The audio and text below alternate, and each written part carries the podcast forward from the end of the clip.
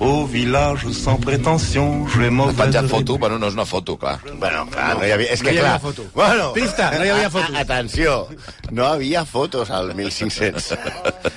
Com esteu? Molt bé, tu, Sí. tu, jo no et noto tan malament, t'ho dic en sèrio. Val, gràcies, gràcies. La, la cosa aquesta que t'han venut, Sí, el Propolis. No, que m'heu portat un... un uh, Estàs veient dracs un o algo? No. T'ho ha portat un oient? Sí, sí. Però tu no et va dir a, a casa que no agafessis cases de la gent que...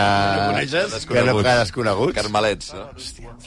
No, però bueno, Pues ho he provat, eh? Potser tens raó que no hauria d'haver Demà, demà seràs Joaquín No, Sánchez. jo, jo et veig molt, molt content avui. Què vols que et digui? Estàs, Mira. estàs empezando a subir, eh? Tingut dies millors. Estoy aquí. Bueno, va. ¿Todo bien? Vols una aigüeta? No vull més. No Vale. vull ser el protagonista de la vostra secció. Bueno, no, bueno, escolta una Era cosa. callar jo ara una estona. No, no, no callis, no callis, perquè tu ets la- la- la- l'ànima d'aquesta L'ànima, secció. l'espirit, Sí. el referent. A veure, què ha passat? Eh, És, una, és un personatge antic, Vale. eh, però d'actualitat, perquè aquesta setmana que hem tingut monarquia per un tubo. Sí, senyor. Sí, hem tingut allò, la neonormania, Sí. que ha sacsejat la península, perquè avui parlarem d'un home que de veritat, aquest sí que de veritat va desafiar a un rei d'Espanya. Literalment. I no qualsevol rei d'Espanya, un rei que manava molt. I no ho va fer... Diu, ah, no vaig a la lliura de bandera, no em presento al Congrés de Diputats, no vaig a les Corts, no vaig al, al, No. al Canapeses... Més, més. No, no, no, no, no. Aquest ho va fer, aquest es va plantar amb un parell de pebrots. Cosa que diríem, bé, però no, estava taradíssim. Sí, a, la, a les últimes setmanes hem parlat molt de batalles entre nadius i conqueridors Jerónimo. Hombre, i hem sí. traslladat els nostres escenaris a Amèrica. La setmana passada, M- Mèxic, sense anar més lluny. I ara farem una barreja de totes dues coses. Amèrica com a escenari i conqueridors espanyols hostiant-se entre ells. Entre ells, eh? Un festival gore, eh? Sí, sí, no, no, això és un millor, és allò de los mercenarios contra los mercenarios. No us feu una idea del tros de personatge que portem avui, perquè és un d'aquells que quan el vam plantejar amb el Mac vam dir no l'hem fet abans? I com no hem fet aquest zumbat abans? Perquè hi ha gent... El tio, és, el tio és execrable, però hi ha gent un altre execrable, Simón Bolívar, que l'admira molt i el té com un referent, ja que creu i el situa, Simón Bolívar, com a l'origen, el primer, la primera persona que va donar eh, peu a la independència dels pobles americans respecte a la corona espanyola. Però per altres, la majoria, i segurament tenen raó, com deia les cròniques del, de l'època, ara citaré el frare Reginaldo de Lizárraga Oh, que bé. que definia el nostre personatge d'avui com la bèstia més cruel de la història d'Espanya. Ojo, que això són vuit pilotes d'or, eh? Perquè la competència És forta, és eh? forta, La eh? bèstia més cruel de la història d'Espanya. Segueix dient el, el, el frare. La bestia y tirano más cruel que ha habido en nuestros tiempos, ni en pasados. Mató a muchos. Si se reían, los mataba. Si estaban tristes, los mataba. Caray. No había visto ni leído semejante ánimo de demonio. O sigui, imagina't que el nostre personatge d'avui et ve i et diu, et pregunta i diu, com estàs? Que- com Què estàs? dius? Però... Bueno, normal. Pachim, pacham, eh, tirandillo, Quina pressió. mejor que tú. Eh, No, dius, mejor que tu no sé, eh? Estàs triste? Te mato. Estic de puta mare? Te mato. No, calla. Com a presentació, no està malament del personatge. Parlem d'un home intrigant, gruller, iracun, exaltat, astut, hàbil, rebel, temerari, temible, cruel, perillós, fanàtic, venjatiu, llibertari, paranoic, llindant amb la psicopatia. No, no és un tertulià de Real Madrid Televisió. Parlem d'un home que té acreditats, que se sàpiga i que reconeix ell, 72 assassinats, Hosti. incloent el de la seva pròpia filla Què dius, home? un cor endemoniat. Un home petit, com diuen les cròniques d'Epos, chico de cuerpo, flaco de rostro i rehecho de cuerpo, un tipus petit i coix al que li faltaven dits a les mans, però que collonia molt. El perill amb potes, bueno, amb pota i mitja. Un home que dormia vestit i armat que no dubtava en violar, torturar, executar o assassinar a la més mínima sospita de que se li revoltava el galliner. Parlem de el loco pinto, el tirano, el peregrino, el traidor, el príncipe de la libertad, Això sembla de la cólera de Dios. La Calici, no?, que té tants noms al darrere. Sí, però ha passat a la història com Lope de Aguirre. Tenemos nostalgia de imperio esclavista, turistas que nos exilian del barrio. Ocho siglos de conquista, morisca y racistas. Con complejo de ario, somos necesarios, nación emular. Una democracia. No m'està no desagradant, eh? No, Ah, és un dels meus grups favorits que descobrim. no? Sí. Sons of Aguirre i Aguirre. Estila. Qui són? Sons of Aguirre, es diuen. Sons of Aguirre. Oh, boníssim, Sons boníssim. of, però no és per el López Aguirre, No, és ah. per Esperanza. Ah. No, no, t'ho dic en sèrio. Doncs. Tinc la samarreta, Ah, si me l'havia d'haver posat avui. Sí, sí, sí, eh, és Sons of Anarchy, Hosti, amb la jarada d'Esperanza Aguirre. Jo pensava que era per ell. I en lloc de, de tíbies creuades són pals de golf. No. No, Sons of Aguirre és un grup meravellós. Hosti, doncs m'ha agradat, de veritat. Lope de Aguirre es diu, eh? López de Aguirre. Aqu- López de Aguirre, aquesta perla de la que parlem avui, va néixer, segons la majoria de les cròniques, a Arauts, a Oñate, a Guipúscoa. Fa quasi, exactament, Sí, mira, faríem un, un aniversari. 513 anys, però era el 8 de novembre del 1510. A veure, quasi. Quasi, home, 8 de 8 novembre. de novembre. Estem, estem, Ah, bueno, home, estem a però 4 dies. 8 de novembre. Estem a Quatre 4 dies, dies. quatre dies. Sí, de, de l'any, del dia sí, però llavors... L'any que ho vaig descobrir mentre ho feia. 513... Bueno, tu vols fer el dia lliure el divendres? que deia contra los números redondos. Nosaltres celebrem el 513, no el 500, que això és molt vulgar. bueno, altres historiadors defensen que va néixer a Aramayona, a Àlava. Però en aquest personatge no passa rotllo Picasso, Colom, eh, Cervantes, que si era Silveni de Barcelona... No. La disputa del... Sí, aquí no hi ha massa Aquí ningú vol tenir. No està molt interessat en que... que, que Patir, patir, patir. Patir, este és teu, és teu. Va començar a treballar de sabater, però va haver de marxar del nord d'Espanya perquè ja de jovenet va violar una dona. Mira, coses que passen. Va violar una dona. Va ser condemnat eh, a la força i es va escapar al sud, a Sevilla, que era on anaven a parar tots aquests que volien fugir de la justícia perquè allà hi havia l'opció d'embarcar-se en les expedicions al, al Nou Món. S'escapa, ja d'entrada s'escapa de la forca, eh? Exacte, sí, sí. Sí, senyor. Espanya eh, va enviar els seus millors homes, la gent més preparada, Sí, sí, sí. la gent Bona més, gent. més culta, la gent a, a conquerir el nou món. Soy espanyol, ¿a qué quieres que te viole? Sí, sí, sí. I donar una religió i cultura als pobres indiets que estaven tan feliços fins que van arribar aquests animals. Pobres indiets, sí. Amb 21 anys i tot de crims a les seves esquenes, Lope de Aguirre estava a Sevilla. Quan torna del Perú i arriba a Sevilla, Francisco Pizarro, amb les notícies dient «Nene, hay una de oro allá...» Vamos, i van en taparrabos i van despullats pels puestos i el tio diu, hòstia, això és... Ell no s'ho Pa pen- mi. Pa mi. Ell no s'ho pensa. Quedar-se era anar a la forca. I es va enrolar a l'expedició que va muntar Rodrigo Burán amb altres 250 nois molt macos i va arribar a Perú, on de seguida va destacar per la seva violència, la seva crueltat i la tendència a la sedició. És a dir, el tipus perfecte per anar allà. Or no va trobar massa perquè el van posar a treballar a l'exèrcit com a domador de cavalls. Domador de cavalls vol dir que era el que cuidava l'esquadra, és a dir, que en lloc de recollir or, recollia merda. amb, amb, 30, amb 34 anys alistat a l'exèrcit i amb una vida de merda, literalment, Literalment, com, deia, literalment. com deia el Santi, hi ha una rebel·lió al Perú, ja L'enganxa allà. Se jodió el Perú, no? La corona espanyola, que algunes coses... Quines grans referències literàries. Has vist, has vist. La, saben tots els de l'ESO. és la primera fase de conversacions en la catedral de Mario Vargas Llosa. La, la corona espanyola, que algunes coses bones va fer a Amèrica, va promulgar les leyes nuevas, en les que prohibia l'esclavitud i maltractar els nadius. Com se li acudeix? home, fer una llei de prohibir l'esclavitud i maltractar els nadius, home. Però aquesta llei va sentar molt malament als senyors que estaven allà instal·lats i es va muntar una guerra civil. Home, no, van sortir tots, van fer una manifestació a la Plaza Colón. Exacte. I van dir, home, esto no se puede, están vendiendo España. Sí, això no és anticonstitucional. I es va muntar una guerra civil de nobles espanyols contra l'Estat. Ell no va dubtar i es va apostar al costat de les tropes del virrei. No perquè cregués en la filosofia de la llei, sinó perquè pensava que guanyarien. Però mira per on es va equivocar.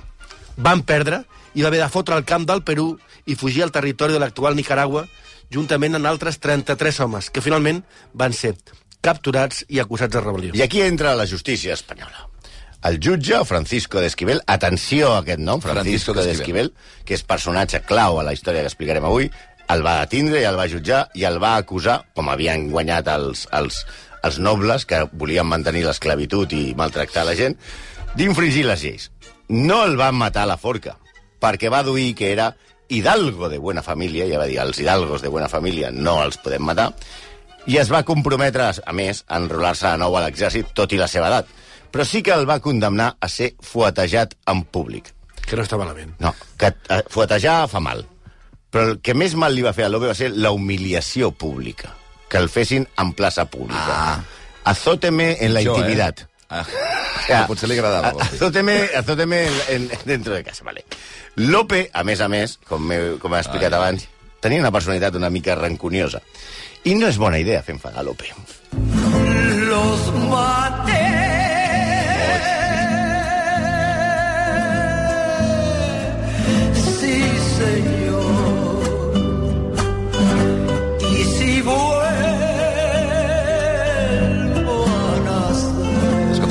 Eh, la selecció musical. Ah, Sí, Xabela, eh? aquest- Aquesta que pot, pot, podries pensar, enganxava la setmana passada, no, ve aquesta. Sí. Bueno, López de Aguirre va jurar venjança contra el jutge, i el jutge, que no era tonto, se la veia venir, Home, saps? ve- veia que hi havia un tarat. Cames, ajudeu-me, i va anar canviant constantment de Pavo, residència. pavo, que te tengo controlado, eh? El jutge. Sí, el jutge, Sí, perquè no es volia trobar en aquell sombat. Sí, sí, el jutge va dir... Sí, era al revés. L'he cagat, era, eh? era. Aguirre va recórrer a Los peu... pájaros disparando las escopetas. Aguirre va recórrer a peu 6.000 quilòmetres. Perquè, segons ell, Que estem parlant d'un veritable tarat, eh? 6.000 quilòmetres. Buscant-lo. O sigui, és com d'aquí a, no sé, a Moscou, eh? molt més. No sé. Ja podes correr, ja podes correr. I per què anava a peu? Perquè, segons ell, eh, el jutge en les, en les fuetades l'havia deshonrat. I un cavaller deshonrat no pot, anar, no pot tornar a pujar a cavall fins que hagi restituït el seu honor. Hosti, noi. I va caminar d'aquí a Tarat Pequín, fins a Pequín poc, eh? caminant. Perdona, li està donant molt de marge al jutge, perquè el jutge només que pugi a cavall quan el vegi venir ja... Però el va seguir fins a Quito i després de tornar a Cuzco... El tio major arribant. ¿Dónde está el juez? Se ha vuelto a ir para Juzco. Cago en la puta, una altra vegada. I així durant 3 anys i 4 Tres mesos. anys i quatre bèstia. mesos per seguir-lo a peu, eh? Que bèstia. Finalment va entrar a casa seva a Cuzco, on el va trobar dormint a la biblioteca. Ai, ai, ai. I li va clavar una daga al temple del cap i, no sabem com, és molt raro, però el va matar. El va matar, sí, sí. Però espera, espera, espera, això no és tot, eh? Li va quedar el ganivet com els, els no, de Halloween, eh? que- Exacte, que tenen sí, exacte, però això no és tot, eh? Perquè es fa una idea del tarat que està el personatge. Després d'assassinar el jutge va sortir tranquil·lament de la casa mm. i va dir, hòstia, falta alguna allò que et toques les butxaques i dius... El mòbil. El mòbil, les claus, tal... I va dir, s'havia deixat el barret Oh. a, a la biblioteca. I això sí que no. I què va fer? Va tornar a entrar, va agafar el barret, el va netejar de sang i va tornar a sortir. Òbviament, el van tornar a agafar, el van condemnar a mort, però un altre cop va aconseguir commutar la pena capital a canvi d'enrolar-se a l'exèrcit. Evidentment, l'exèrcit espanyol no podia prescindir dels serveis d'una persona tan digna, tan noble i que representava tan clars els ideals militars com ell. L'escriptor Robert Southey, al seu llibre bastant bo, l'expedició d'Ursúa i los crímenes de Aguirre, títol críptic també, Sí. descriu aquelles companyies d'exèrcit espanyol com el ejército de rufianes más rastreros del Perú. Joder. El 1554, López de Aguirre tenia 44 anys, que en aquella època tenir 44 anys ja era, havies palmat, no et quedaven dents, jubilació, que fos. Torna a apuntar-se a l'exèrcit amb 44 anys i participa a la batalla de Chuquinga, on cau greument ferit al peu un peu i li, li causa la coixesa permanent que després va tenir. Va perdre uns quants dits d'una mà al disparar un arcabús defectuós. Què a veure, arcabús? Pels de l'ESO. pels de l'ESO, un arcabús és, no és una línia d'autobusos que no funciona. Un arcabús defectuoso, no. No és un autobús. És un fusell que passava 28 quilos. Mare de Déu, senyor. De l'amor hermoso.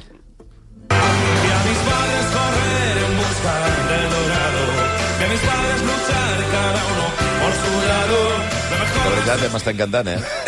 Em Hi ha diferència quan trio jo i quan trio Comet. és que Em teníeu mal acostumat.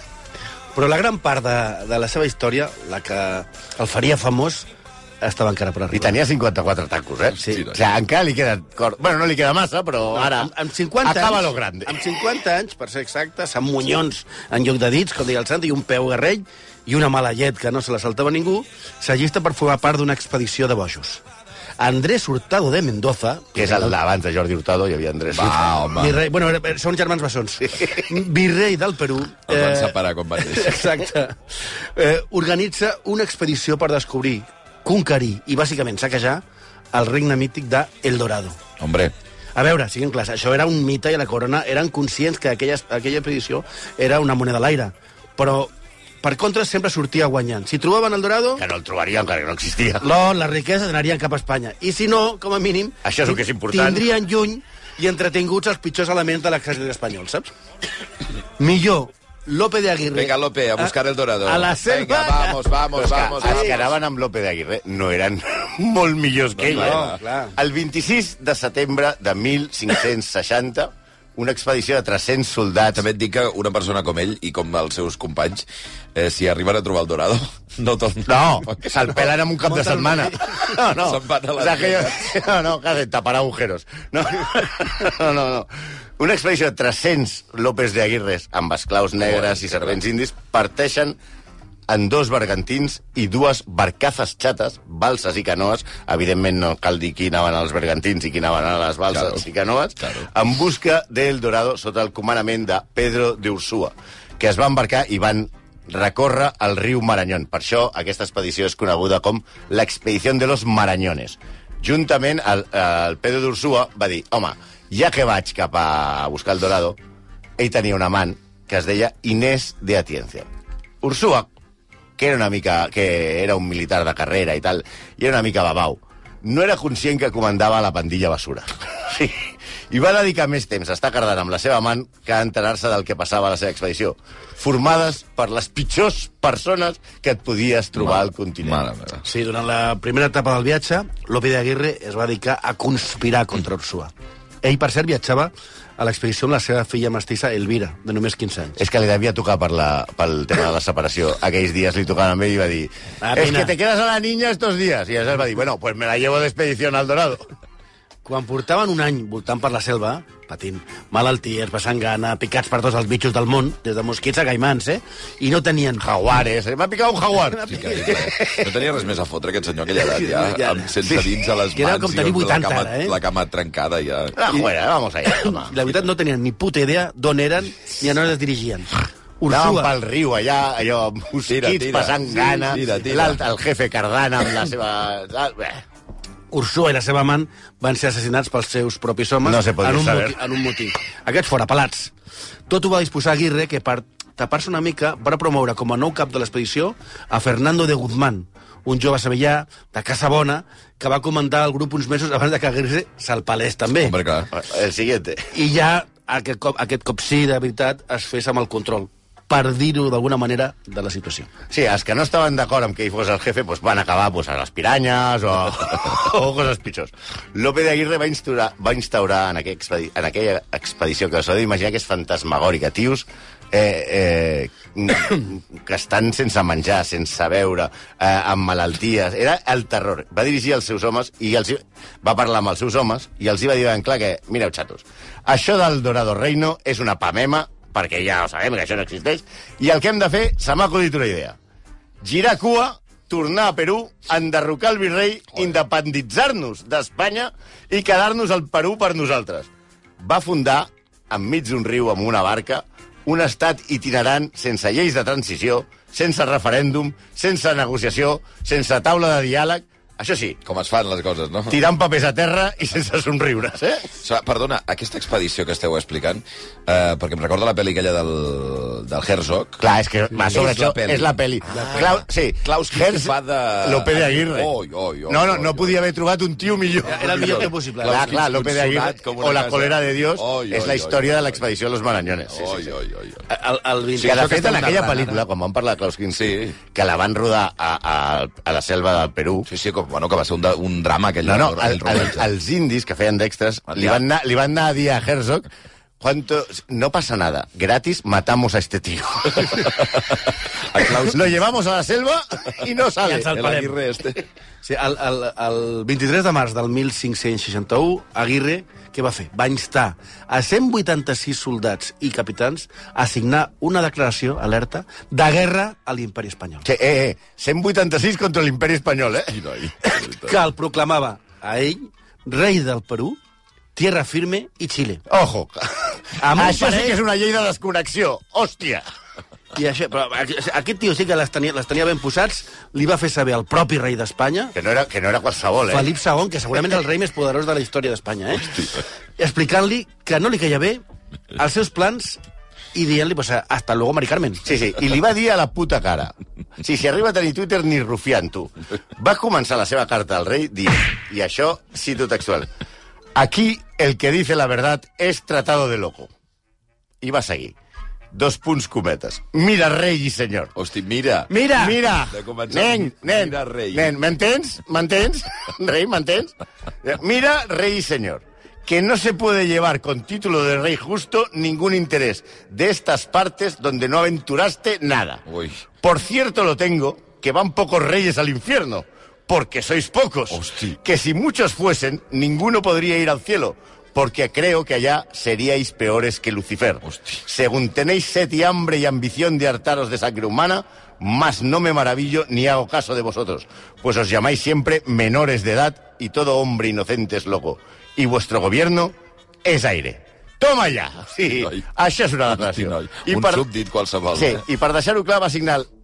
Tots, els, tots van signar la carta, el 186, i ell va signar-la l'últim. I va escriure Lope de Aguirre com a traïdor. Oh! O sea que aquí estoy yo, nen. Porque yo, ante todo respeto, y te lo digo a la cara. Traidor. No m'ho diguis tu, que m'ho dic jo. Crit, eh? Sí, sí, aquí, aquí aquí estoy yo. Si quieres, ven aquí. Cosa que va espantar bastant els carallots que anaven amb ell, però ell va dir, aprofitar per dir-los que, a veure, ara que heu signat això, sou amotinats, Clar. rebels, i ningú us perdonarà la vida, començant per mi mateix. Aquesta ja l'hem posat, eh? Cantarà.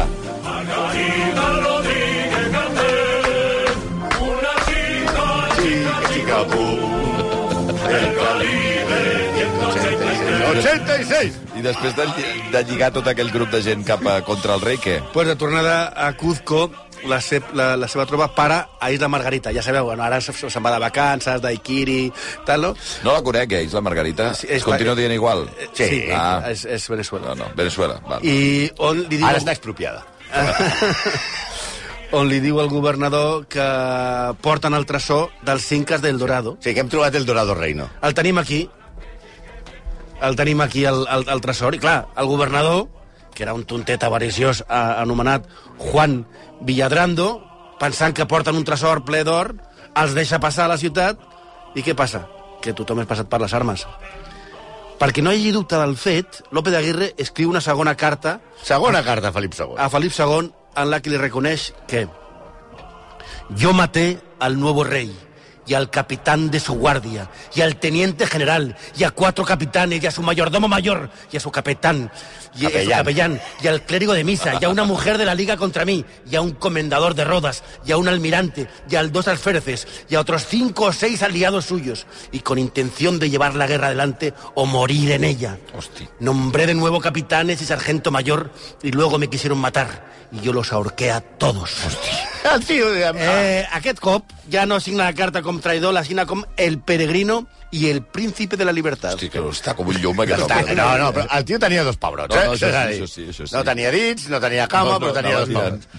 Conquerida illa Margarita, ell i els seus homes van començar hòstia, a fruir per un breu espai de temps de riqueses com no havien vist mai, perquè s'havien fet amb la ciutat. Pensem que portaven dos anys navegant per l'Amazones i que a les parts baixes podien tenir unes muscleres industrials. Que, home, per favor. que aquests tios no havien vist una Fàstic, aigüeta home, sí, en sa vida. Les tropes que havien desafiat a l'imperi més important de l'època les formaven, atenció, ja només quedaven 160. De 186 ja només quedaven Sí, sí, 160 homes. Molt brutos, però només 160. 100 arcabusos, Sí. que hem dit que és allò que no és la... Que pesa un... que pesen 28 quilos. 6 falconetes. Això no sé què és. tampoc. Falconet és un canonet que sembla una tenora, Sí. però eren peces de 400 quilos de pes, Vinga, hombre. de tir imprecís, Vinga. que el seu alcalce màxim era, la seva llargada màxima de foc era de 1.000 metres, i que per disparar dos trets trigava 15 minuts entre que xut, Joder. xutaves i recarregaves. O sigui, es feia bàsicament per, per ar- arrossegament, no? Vull També dir, si tenien, toques, rebentes. sí, tenien però si no, 169 homes, 100 arcabusos, és a dir, hi havia 60 que no tenien arcabús, Està bé. 6 falconetes, 3 cavalls i un mul. Tres cavalls per 160 tios. joder. Bueno, diguem-ne que un era per López Aguirre i els altres dos se'ls van repartir entre els altres També, 160. també. Vale? No sembla un arsenal massa impressionant per desafiar Espanya. Tot i que Aznar potser això ho hagués considerat armes de destrucció massives. Això sí. Però la seva gran carta era la crueltat. Allà s'executava a tothom. Hosti. Mira, un dia un frare que acompanyava el grupet es va permetre recomanar al líder, a Lope de Aguirre. Sí. Lope, no siguis tan cruel amb la gent. Què va passar amb ell? El va penjar a la A la forca. forca. A la forca. Aleshores, López de Aguirre va dir, hòstia, he penjat un cap allà, me cago en la leche, me cago en la hòstia. No, és que m'he escalfat, m'he escalfat. Tio. És que com, com soy, nene, com soy. I, I aleshores el tio va dir, bueno, saps què? Vaig a confessar els meus pecats. Va cridar un frare per confessar els seus pecats. I li va explicar, es veu que tots els pecats. Hòstia. I el frare va posar una cara com acollonit i li va dir, yo esto no te lo puedo perdonar, nene, eh? I aleshores què va fer? Forca. Forca també, el confessor. Lope, eh, ese pronto. Dos per un. Ese pronto, Lope. A veure, òbviament, aquest comportament de psicòpata de l'apòstol de la llibertat va començar a crear una mica de malestar en la seva tropa. Sí. Fins i tot el, el mul, mul estava acollonit. el mul estava molt preocupat. ¿Cómo está el mulo? No sabem. Ha cagado bien el mulo hoy, que lo, que lo, que lo cuelgo con mis manos, con mi mano y media. Mai sabies que et podia fer un, un, et podia fer una abraçada o fer que et vengessin d'un arbre. Vull dir que era una cosa una mica... La idea, Sí, de Herzog, quan va agafar Klaus Kinski per interpretar-lo, que ho va clavar. la idea és que era millor acabar amb aquest tarat que, o sigui, la, la idea que acabar amb aquest tarat era bona, va començar a anar assentant entre els seus soldats, perquè a més veien amb, Ja només quedaven 150. amb 150, perquè havia matat 10 més, que els tres cavalls que encara hi eren, i el mul, que estava molt cagat, no podien fer front a l'exèrcit El espanyol. mul estava boig per pirar. Sí, però clar, s'apropava l'exèrcit espanyol. Clar, clar, clar. I, clar, ells estaven allà que el, el, el, els hi posarien el cul en pompa. Va, home. Però Sí, va haver sí. un fet que va demostrar que, que, que, que el López estava per tancar-lo. Sí, amb les tropes espanyoles apropant-se. Perquè fins ara no, no? No, ara una, una, una, una, mica, una mica... Però espera, Caràcter. la derrota era segura. I López de Aguirre, veient que no podria resistir quan que, que li venien Otoé soldats espanyols, va dir va decidir assassinar a la seva filla Elvira, Joder. a la que li va clavar diverses punyalades mentre dormia. Ho va justificar dient que a quien quiero tanto no debería llegar a acostarse con personas ruïnes. És a dir, que ell tenia clar que quan entressin els espanyols violarien a la seva filla. Ah. Que això era marca de la casa de les guerres d'aleshores. Bueno, Ja. I també de... Abans de que la violin, la mato jo. La, ah, exacte. Mare de. També ho va justificar dient prefiero que muera como hija de rey, perquè ella es pensava que clar, era el rei de Tierra Firme, Ah, clar, Perú, clar, Tierra clar. Firme y Chile. Eh, prefiero que muera como hija de rey que sobreviva como hija de No li va traïdor. preguntar, eh, a l'Elvira? No, estava dormint. I tenia una son molt profunda. Els soldats que van intentar dir però què fots? Evitar l'assassinat, Què, què els hi va passar? penjats a la forca. Porca! Cada vegada tenia menys soldats per defensar-se també dels que venien. la situació era insostenible i entre els seus homes es va formar una conxorxa per acabar amb López de Aguirre i entregar-se a les tropes espanyoles. El 26 d'octubre del 1561, un dels seus soldats li va disparar Arcabussasso, pum! i només se'l va ferir.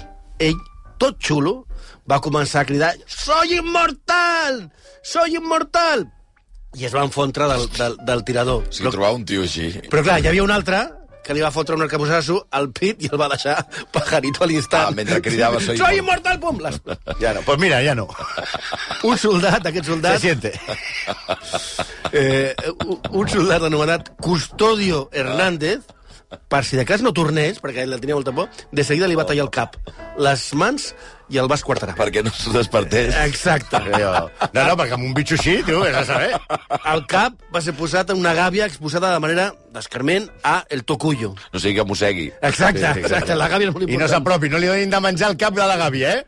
Les mans van ser exposades a Trujillo. De lo que quedava de les mans. El que acaba a les mans, clar, que li faltaven dits. La mà i mitja. mai mitja, mai mitja. I la resta del cos va, va ser menjar pels gossos del campament. Això sí que no, això sembla mal. Ni es van prendre la, la molèstia d'enterrar-lo, eh?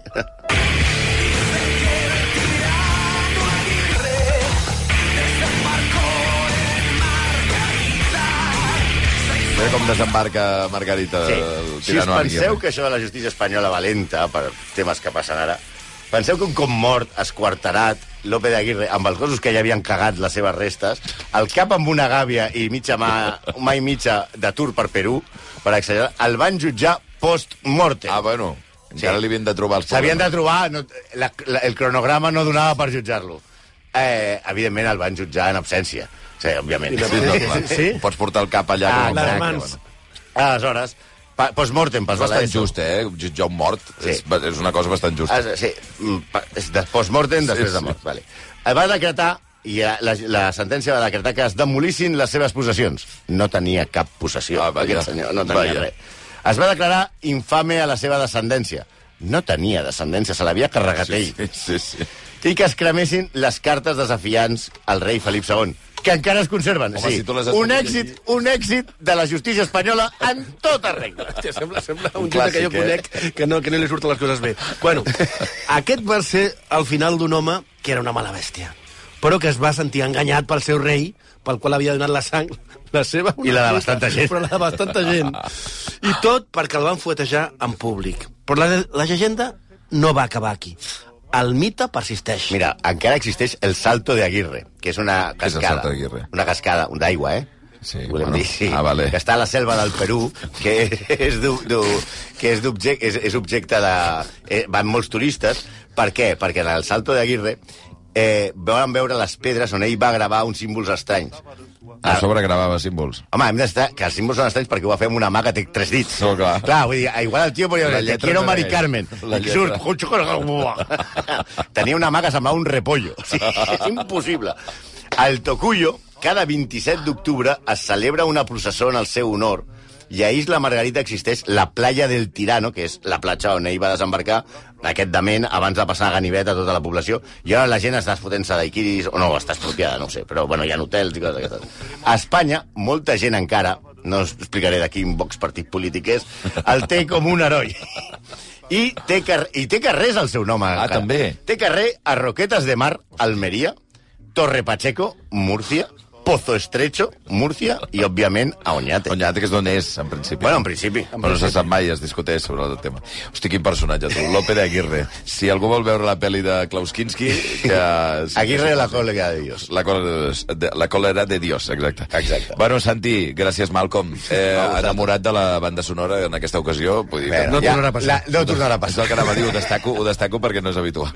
Vinga. Apa, que vagi bé, eh? Adéu. Adiós, adiós, adiós. viendra me voir pendu, sauf les aveugles, bien entendu.